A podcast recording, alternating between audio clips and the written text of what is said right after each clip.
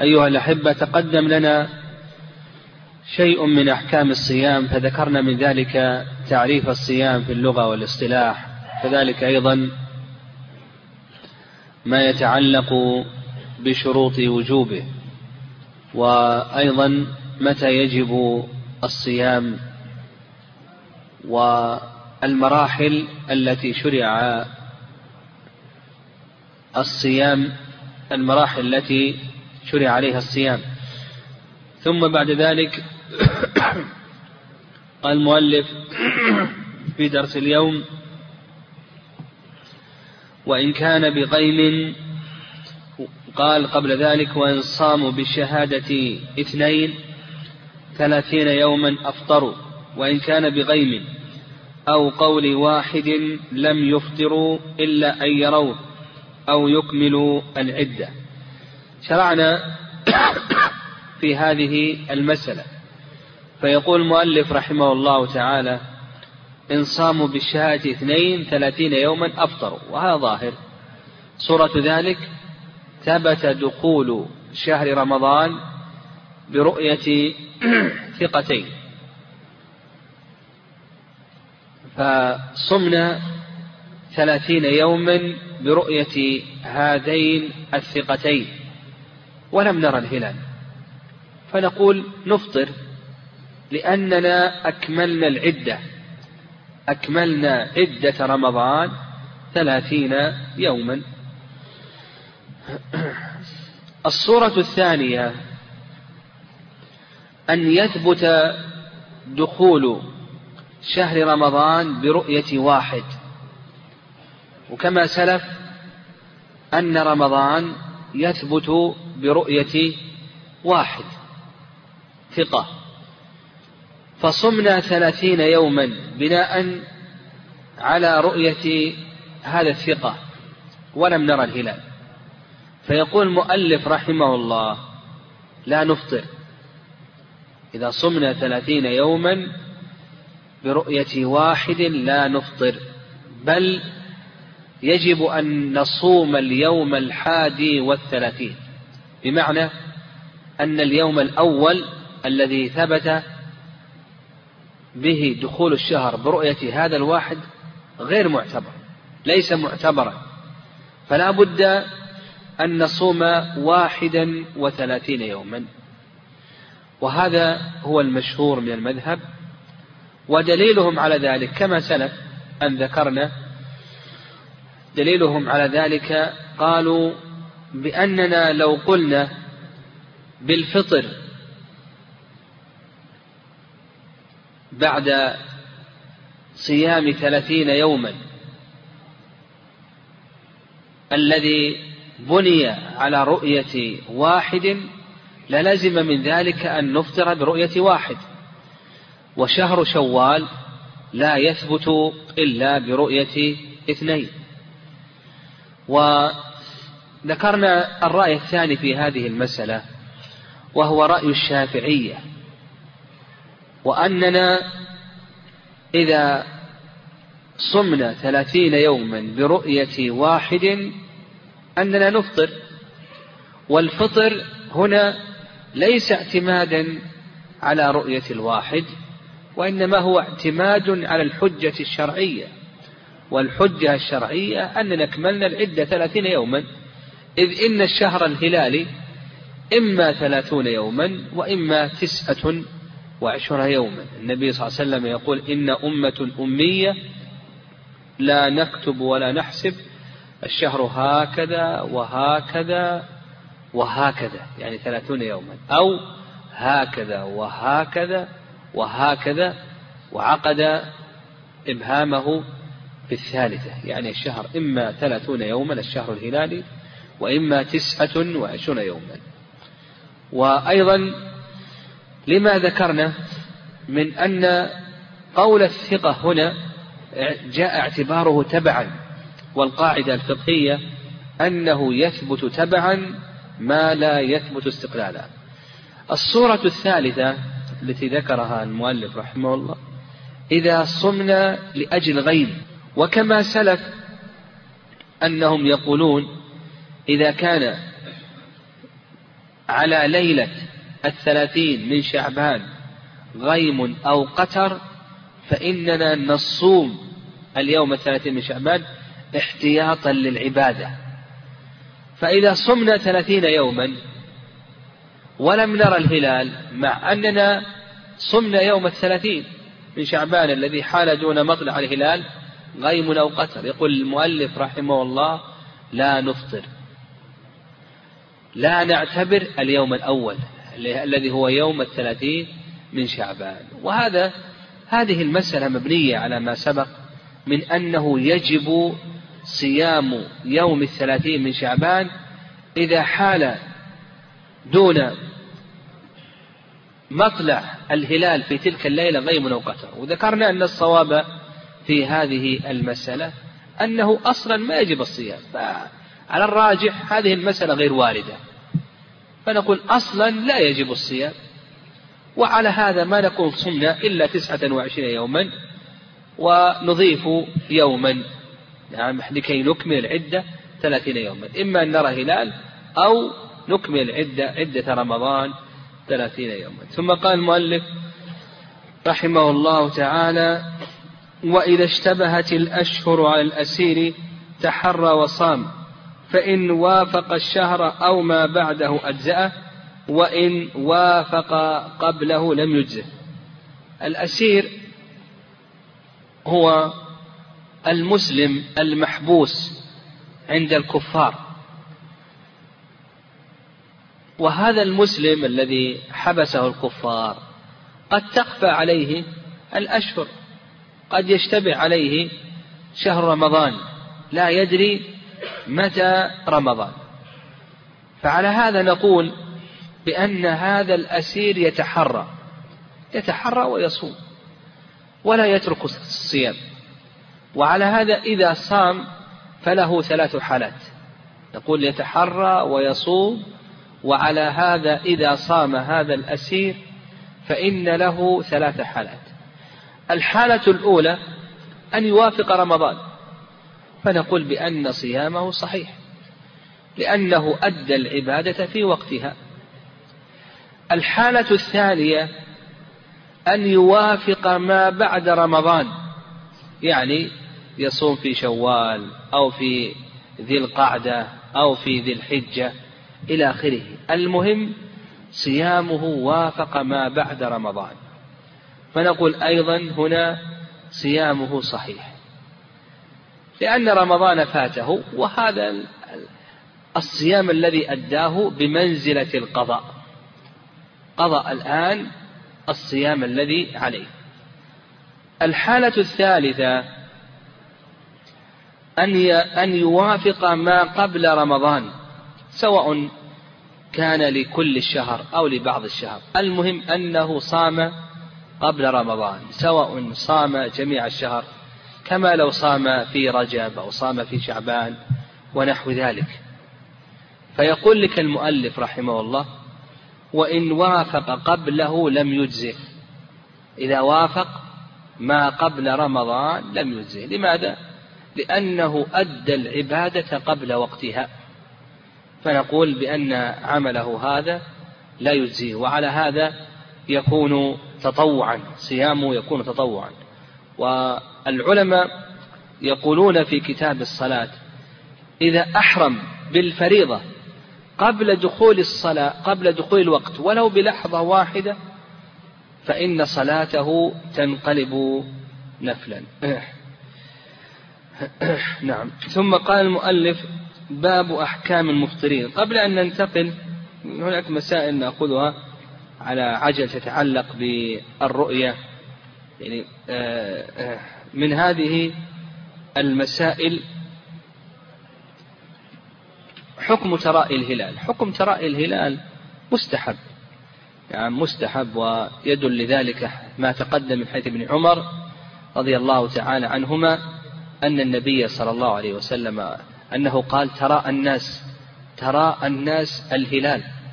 فرأيته وأخبرت رسول صلى الله عليه وسلم أني رأيته فصام وأمر الناس بالصيام.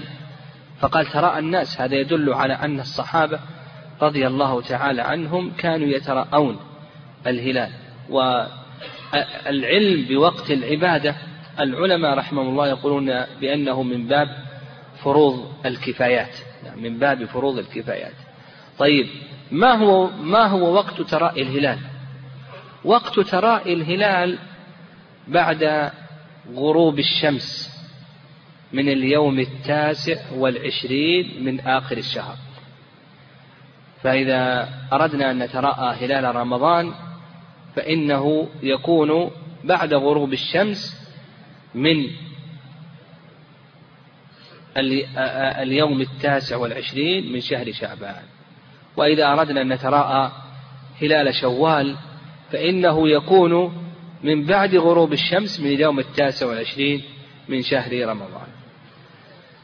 طيب أيضا مسألة أخرى وهي رؤية الهلال نهارا. هل هي معتبرة أو ليست معتبرة؟ جماهير العلماء أن رؤية الهلال نهارا غير معتبرة. نعم لو رؤي الهلال نهارا سواء كان في نهار التاسع والعشرين أو كان في نهار الثلاثين فإنها غير معتبرة. أما لو رؤي في نهار التاسع والعشرين فإنها غير معتبرة لأننا لو قلنا بأنها معتبرة للزم من ذلك أن يكون الشهر ثمانية وعشرين. وأما إذا رؤي في نهار الثلاثين فلا نفطر. مثلا لا يجب أن نفطر ولا يجب أن نصوم. فمثلا لو رأينا هلال رمضان في اليوم الثلاثين من شعبان. نقول ما يجب أن نصوم وإنما يكون لليلة المقبلة. كذلك أيضا لو رأينا هلال شوال في الثلاثين من رمضان ما يجوز أن نفطر. هكذا ورد عن الصحابة الرؤية المعتبرة للهلال إنما تكون ليلا بعد غروب الشمس. هذه هي الرؤية المعتبرة وهكذا ورد عن الصحابة رضي الله تعالى عنهم. عمر وعثمان بن مسعود وابن عمر وأنس إلى آخره. طيب مسألة رابعة. إذا رؤي الهلال في بلد هل يجب الصيام على جميع الناس؟ أو نقول لكل بلد مطلعها الخاص؟ هذه مسألة يختلف فيها اختلف فيها العلماء رحمهم الله كثيرا وملخص الأقوال في ذلك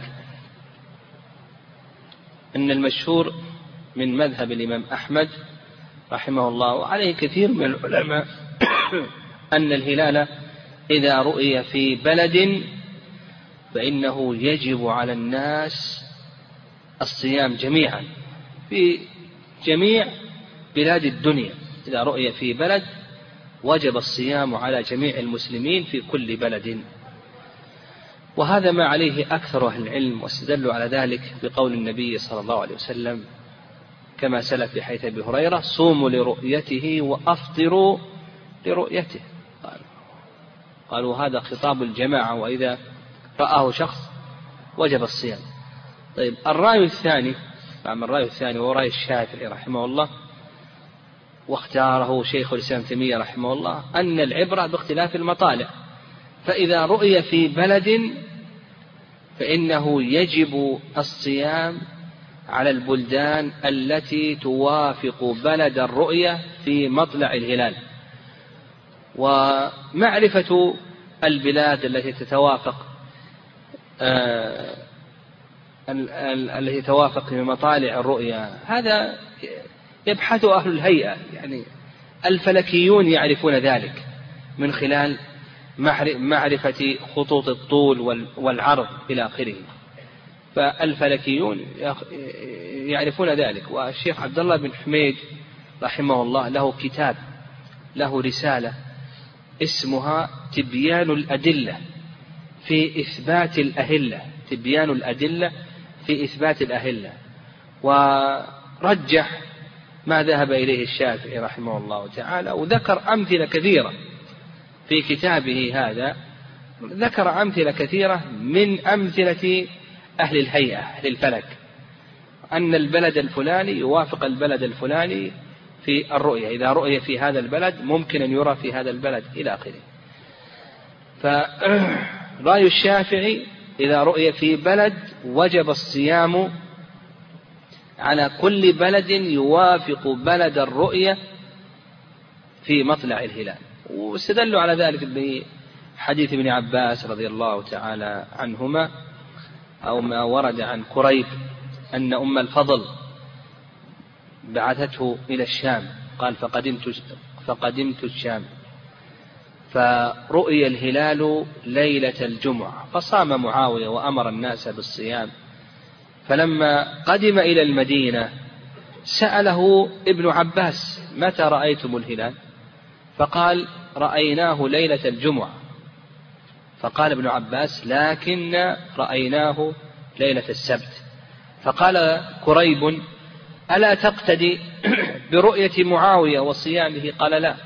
هكذا أمرنا رسول الله صلى الله عليه وسلم. طيب. والرأي الثالث في المسألة ذهب إليه بعض المالكية كابن الماجشون من المالكية وأن أنه ينظر إلى الإمام الأعظم فإذا ثبتت رؤيته عند الإمام الأعظم وأمر بالصيام كما هو معمول به الآن في البلاد الإسلامية. تجد أن الحكومات بالبلاد الإسلامية آه، تتراءى الهلال كل لها كل بلد له رؤيته والمسلمون في هذا البلد يكونون تابعين لإمامهم الأعظم. هناك قول أخير أيضا للشيخ أحمد شاكر رحمه الله. الشيخ, أحمد شاكر رحمه الله يرى أن العبرة برؤية أهل مكة برؤية أهل مكة. فإذا رؤي في مكة وجب على كل الناس الصيام. والذي يظهر والله أعلم أن ما ذهب إليه الشافعي رحمه الله اختاره شيخ الإسلام هو الصواب في هذه المسألة. لكن الآن كما ذكرنا ما يذهب إليه بعض المالكية أن العبرة برؤية الإمام الأعظم وعلى هذا الناس تبع لإمامهم في مثل هذه المسائل. والصوم يوم يصوم الناس والفطر يوم يفطر الناس. وكما ذكرنا أن شيخ الإسلام تيمية رحمه الله يقول بأن الهلال لا ما يطلع في السماء وإنما الهلال ما يستهل به الناس. قال المؤلف رحمه الله باب أحكام المفطرين. قال ويباح الفطر في رمضان لأربعة أو لأربعة أقسام. أحدها المريض الذي يتضرر به المريض. يباح له الفطر. المريض لا يخلو من ثلاث حالات. الحالة الأولى أن يضره الصوم فهذا يجب عليه أن يفطر لأن الله عز وجل قال ولا تلقوا بأيديكم إلى التهلكة. الحالة الثانية أن يشق عليه الصيام لكن لا يضره. بعض الناس يضره مثلا إنسان مريض في الكلى يحتاج إلى أن يشرب ماء. لو أنه لو لم يشرب الماء فأضره ذلك. نقول هذا يجب عليك أن أنك تفطر. لأن الله عز وجل قال ولا تلقوا بأيديكم إلى التهلكة. من قواعد الشريعة قاعدة لا ضرر ولا ضرار. الثاني القسم الثاني الذي يشق عليه الصيام لكنه لا يضره. ما في مضر عليه لكنه يشقه. فهل الأفضل أن يصوم أو الأفضل أن يفطر؟ نقول الأفضل أن يفطر. فإن الله سبحانه وتعالى يحب أن تؤتى رخصه كما يكره أن تؤتى عزائمه. الحالة الثالثة ألا يلحقه ضرر ولا مشقة. كما لو كان فيه صداع يسير أو كان فيه كسر في رجله أو كان فيه زكام ونحو ذلك من الأشياء اليسيرة بحيث إنه إذا صام لا يتضرر ولا يشق عليه الصيام فهذا نقول يجب عليه أن يصوم ولا يجوز له أن يفطر. وهذا ما عليه جماهير أهل العلم خلافا لما ذهب إليه بعض السلف رحمهم الله.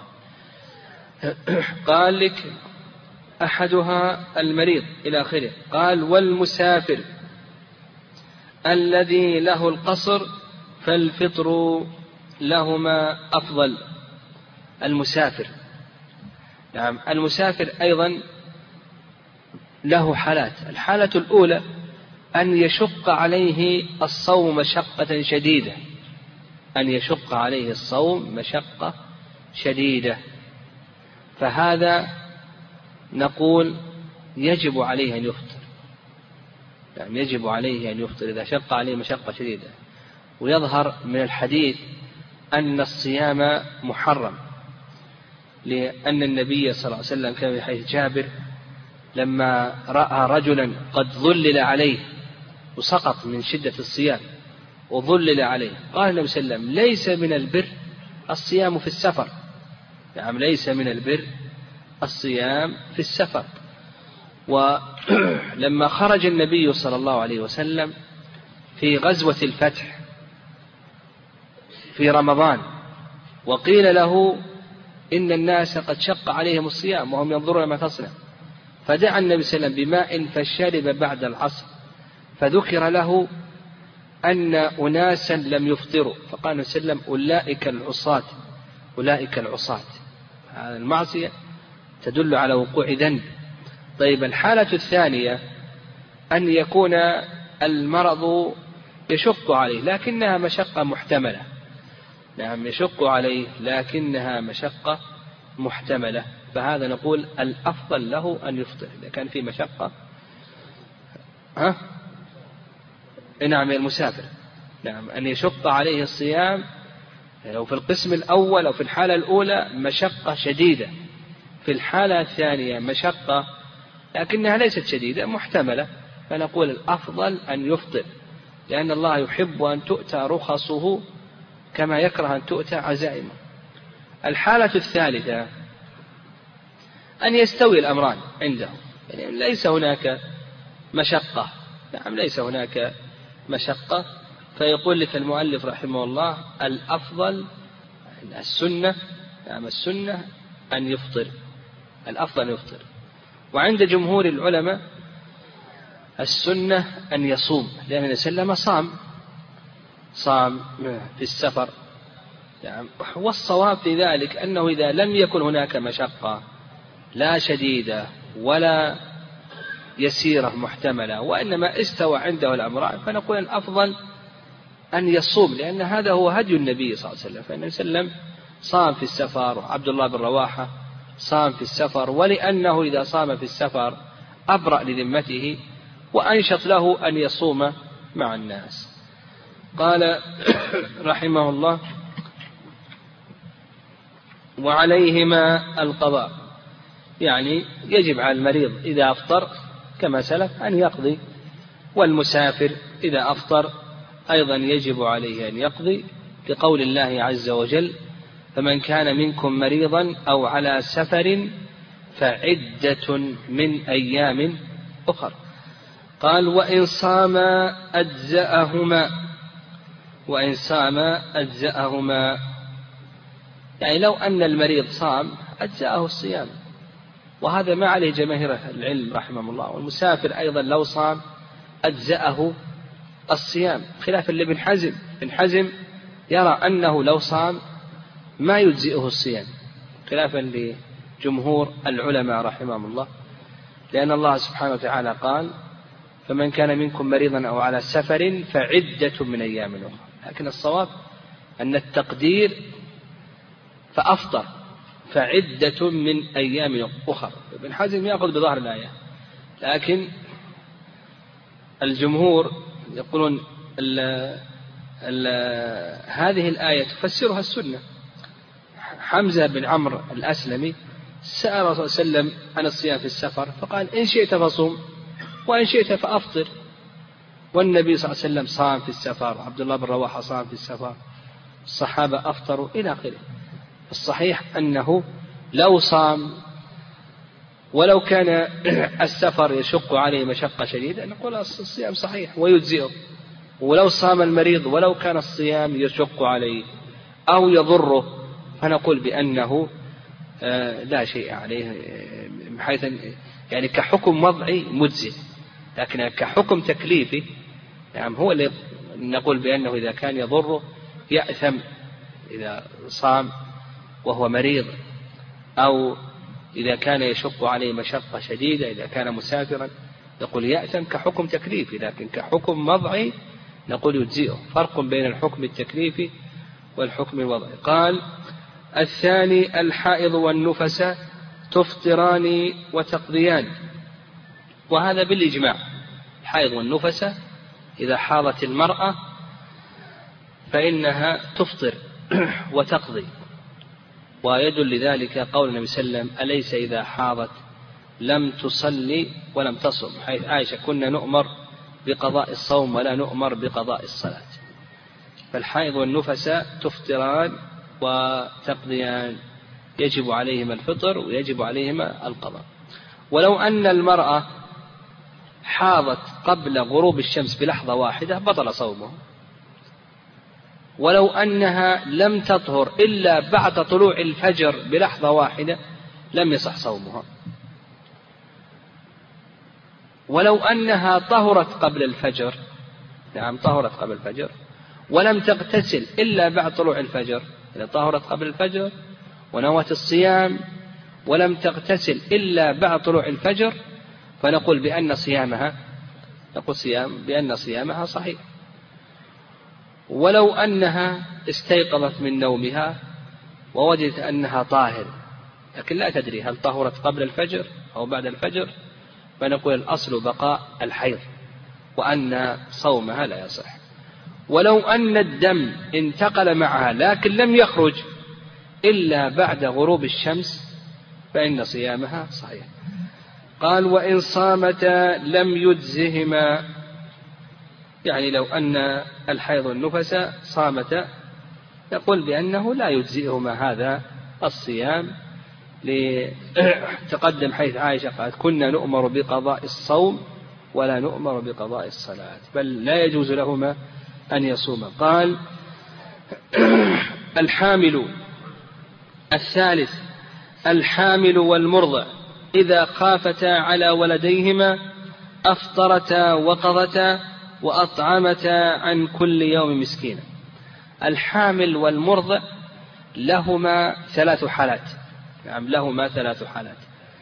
الحالة الأولى أن تخافا على نفسيهما. فحكمهما حكم المريض. يجب يرخص لهما في الإفطار ويجب عليهما القضاء. إذا خافتا على نفسيهما. نقول يرخص لهما في القضاء و يجب عليهما القضاء لأنهما كالمريض. والله عز وجل يقول فمن كان منكم مريضا أو على سفر فعدة من أيام أخر.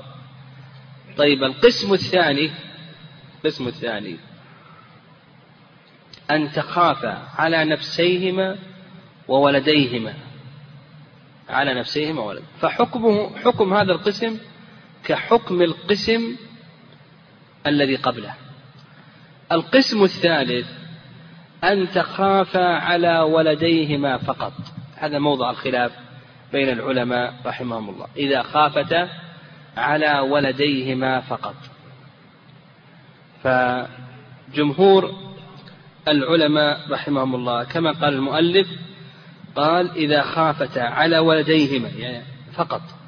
أفطرتا أفطرتا وقضتا وأطعمتا عن كل يوم مسكينا وهذا معنى جمهور العلماء. أنهما تفطران وتقضيان وتطعمان عن كل يوم مسكينا. والإطعام يجب على ولي الطفل يجب على ولي الطفل.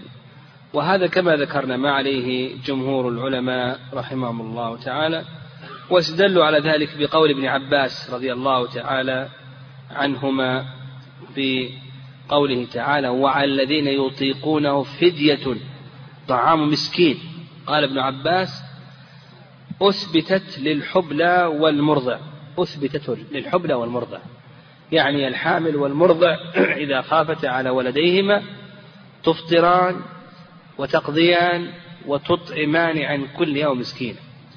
وأيضا ورد ذلك عن ابن عمر رضي الله تعالى عنهما بإسناد صحيح. والرأي الثاني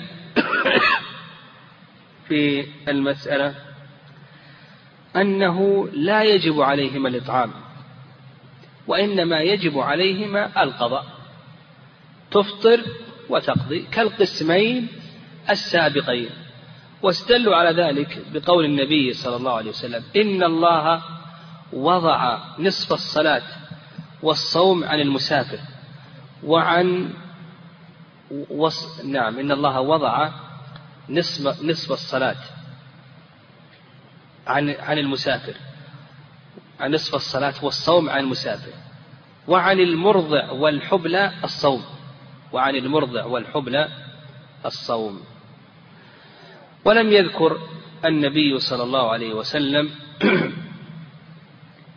الإطعام.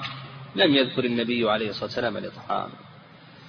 وقال بعض السلف يعني ذهب بعض السلف كالأوزاعي وإسحاق. نعم. نعم كالأوزاعي وإسحاق. يعني أنه لا يجب عليها إلا القضاء كما ذكرنا هذا الرأي الثالث الثاني وذهب بعض السلف أيضا إلى أنها إلى أنها مخيرة. إذا خافت على ولدها هي مخيرة. بين أن تطعم وبين أن تقضي. الرأي الثاني قال به الأوزاعي والزهري والرأي الثالث أنها مخيرة بين الإطعام والقضاء هذا قال به إسحاق. والأقرب في هذه المسألة هو ما ذهب إليه جمهور العلماء وأن إذا خافت على ولدها أنها تفطر يرخص لها في الفطر ويجب عليها القضاء لدليل القضاء وتطعم. لورود ذلك عن الصحابة رضي الله تعالى عنهم كما ذكرنا عن ابن عباس وابن عمر بأسانيد صحيحة. قال وإن صامتا أجزأهما. يعني لو أن المرضع والحامل صامتا أجزأهما كحكم وضعي يجزئهما. قال الرابع العاجز عن الصيام لكبر أو مرض لا يرجى برؤه فإنه يطعم عن كل يوم مسكينا. إذا كان عاجزا عن الصيام لمرض لا يرجى برؤه يعني لا يرجى زواله. بعض الأمراض عافانا الله وإياكم منها تكون مستعصية لا يرجى زوالها مثل كمثلا مرض السرطان أو نحو ذلك. مثل هذه الأمراض التي آه، لم يتوصل المخلوق إلى علاجها. فإذا أفطر من أجل هذا المرض فإنه يطعم عن كل يوم مسكينا ولا قضاء عليه لأنه ما يمكن أن يقضي لا يمكن أن يقضي لأنه مريض ولا يتمكن. أو لكبر الكبر ما له علاج الهرم ليس له علاج. فإذا كان لا يستطيع أن يصوم لكبر فإنه يطعم عن كل يوم مسكينا. ودل ذلك قول الله قول الله عز وجل وعلى الذين يطيقون فدية طعام مسكين قال ابن عباس رضي الله تعالى عنهما ليست بمنسوخة هو الشيخ الكبير والمرأة الكبيرة لا يستطيعان أن يصوما فليطعما مكان كل يوم مسكينا. طيب وما كيفية الإطعام؟ وما زمن الإطعام؟ نقول الإطعام وما قدر الطعام وما جنس وما جنس الطعام إلى آخره. هذه مسائل تكلم عليها العلماء رحمهم الله. أما بالنسبة لكيفية الطعام فله كيفيتان على الصحيح. له كيفيتان. الكيفية الأولى أن يملكهم حبا من غالب قوت البلد. وكما قال الله عز وجل في كفارة اليمين من أوسط ما تطعمون أهليكم. يملكهم حبا يملك كل مسكين ما يشبعه من الحب. ولو أعطى كل واحد كيلو نعم كيلو مثلا من الرز إذا كان في بلد يكون الرز أو من البر إلى آخره فإن هذا يجزي. الكيفية الثانية أن يصنع طعاما وأن يدعو المساكين إليه.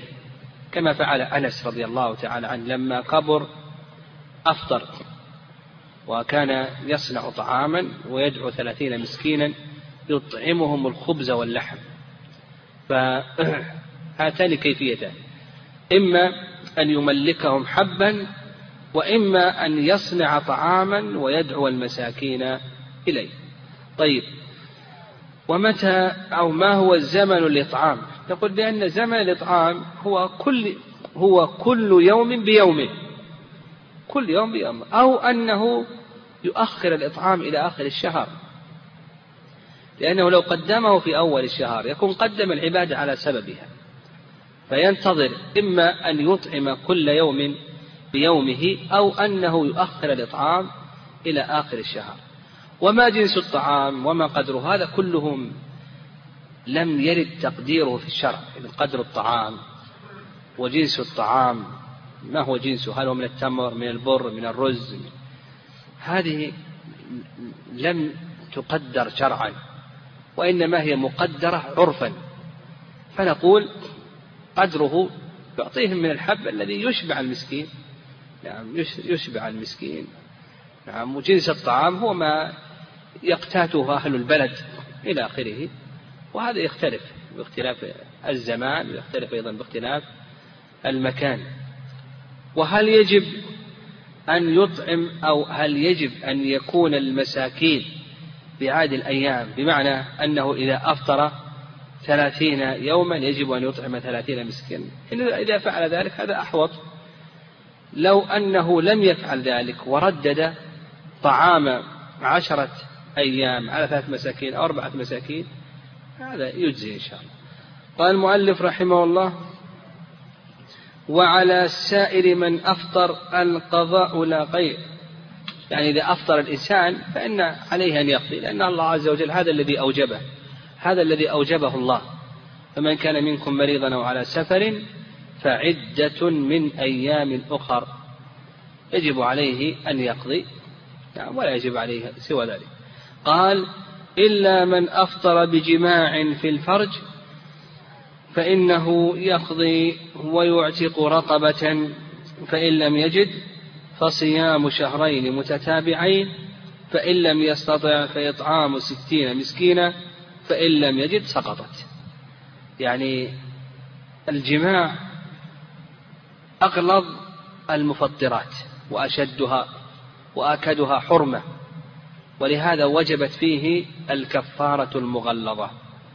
فإذا جامع المسلم زوجته وهو ذاكر عالم مختار ذاكر عالم مختار جامع زوجته أو أمته.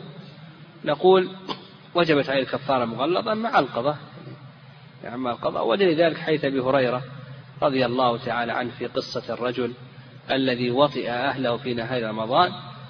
فأوجب عليه النبي صلى الله عليه وسلم أن يعتق رقبة. قال لا أجد. فأوجب عليه أن يصوم شهرين متتابعين. فذكر أنه لا يستطيع ثم بعد ذلك أوجب عليه أن يطعم ستين مسكينا. المهم من جامع فإنه تجب عليه الكفارة المغلظة. لكن يشترط كما سيأتينا إن شاء الله في المفطرات أن يكون ذاكرا عالما مختارا. فإن كان جاهلا فلا تجب عليه الكفارة ولا يبطل صيامه. وإن كان مكرها أيضا لا تجب عليه الكفارة ولا يبطل صيامه كما لو, كما لو أكره الزوج زوجته. وإن كان ناسيا نعم أيضا لا يجب عليه الكفارة ولا يفطر. نعم ولا يفطر. قال فإن جامع ولم يكفر حتى جامع ثانية فكفارة واحدة. يعني صورة المسألة جامع زوجته في أول النهار ولم يكفر حتى الآن ما أخرج الكفارة. ثم جامعها في آخر النهار فتجب عليه كفارة واحدة. نعم. وهذا كما ذكر صاحب الشرح الكبير أنه مما لا خلاف فيه بين أهل العلم. وهذا بناء على تداخل الكفارات. فإذا جامع ولم يكفر حتى جامع مرة أخرى فإنه تجب عليه كفارة واحدة ولا تتعدد الكفارة بتعدد الجماع. طيب الصورة الثانية قال وإن كفر ثم جامع فكفارة ثانية. الصورة الثانية جامع ثم كفر. كما لو اعتق رقبة عنده رقبة اعتقها. ثم جامع في نفس اليوم. تجب عليه كفارة ثانية. نعم تجب عليه كفارة ثانية. نعم. فإذا كفر وجبت عليه كفارة ثانية. طيب.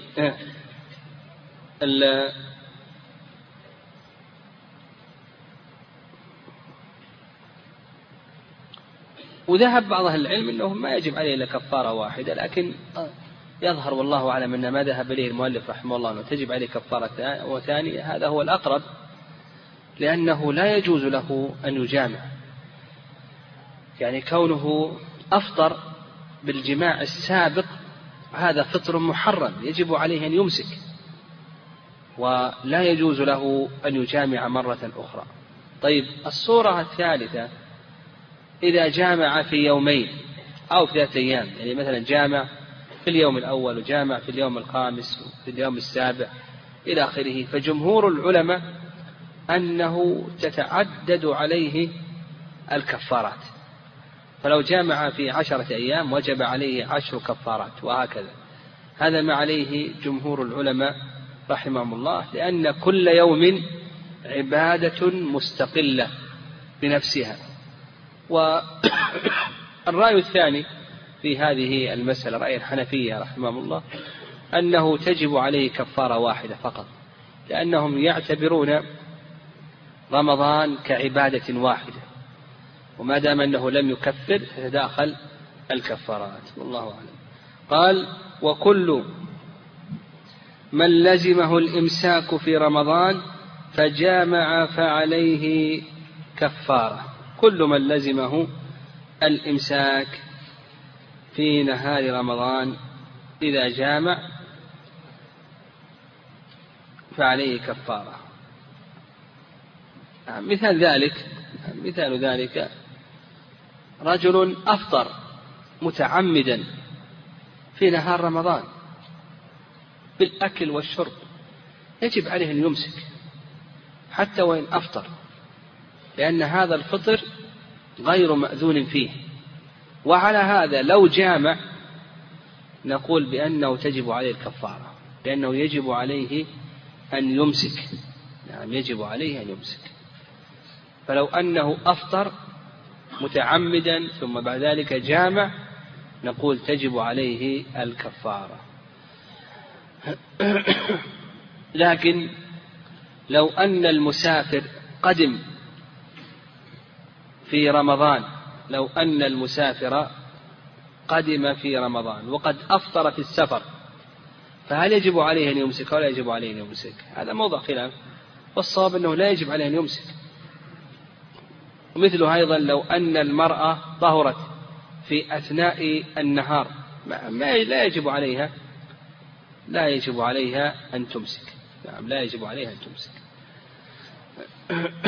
قال ومن أخر القضاء لعذر حتى أدركه رمضان آخر فليس عليه غيره وإن فرط أطعم مع القضاء لكل يوم مسكينا قضاء رمضان يجب على التراخي.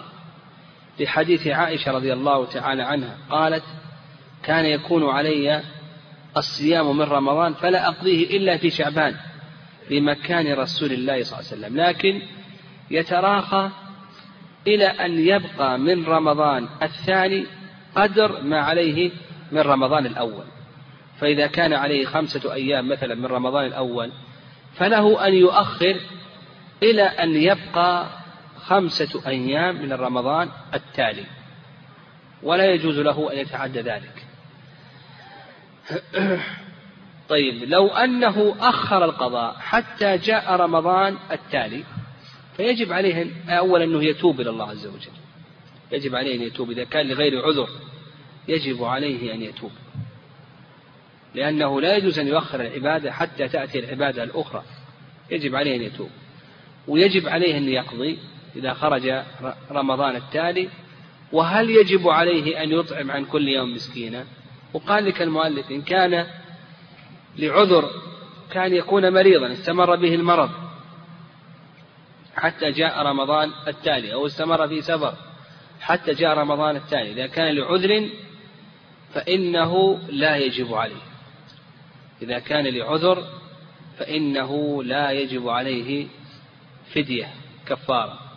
وإن كان لغير عذر كان لغير عذر وإنما فرط فجمهور العلماء أنه يجب عليه أن يصوم أن يقضي الصيام وأن يطعم عن كل يوم مسكينا. وهذا وارد عن الصحابة رضي الله تعالى عنهم ابن عباس وابن عمر وأيضا ورد عن أبي هريرة رضي الله تعالى عنه. وارد عن الصحابة رضي الله تعالى عنهم. وعند أبي حنيفة أنه لا يجب عليه أن يطعم. أبو حنيفة رحمه الله يقول لا يجب عليه أن يطعم. وإنما فقط يقضي لأن الله عز وجل قال فمن كان منكم مريضا على سفر فعدة من أيام أخرى فأوجب الله عز وجل عدة. نعم ولم يجب غير هذه العدة. قال وإن ترك القضاء حتى مات لعذر فلا شيء عليه وإن كان لغير عذر أطعم عنه لكل يوم مسكين. يعني هذا الرجل الذي عليه صيام من رمضان. ولم يقضي هذا الصيام. لو أنه استمر به العذر ولنفرض أن رجلا مرض في رمضان واستمر مريضا حتى دخل شوال ثم مات في العاشر من شوال وهو مريض. هو مريض. هذا لا شيء عليه. لأن الله عز وجل أوجب عدة من أيام أخر. وهذا ما أدرك حتى الآن عدة من أيام أخرى لأنه لا يزال مريض. إلا إذا كان المرض لا يرجى برؤه فإن الواجب ما هو؟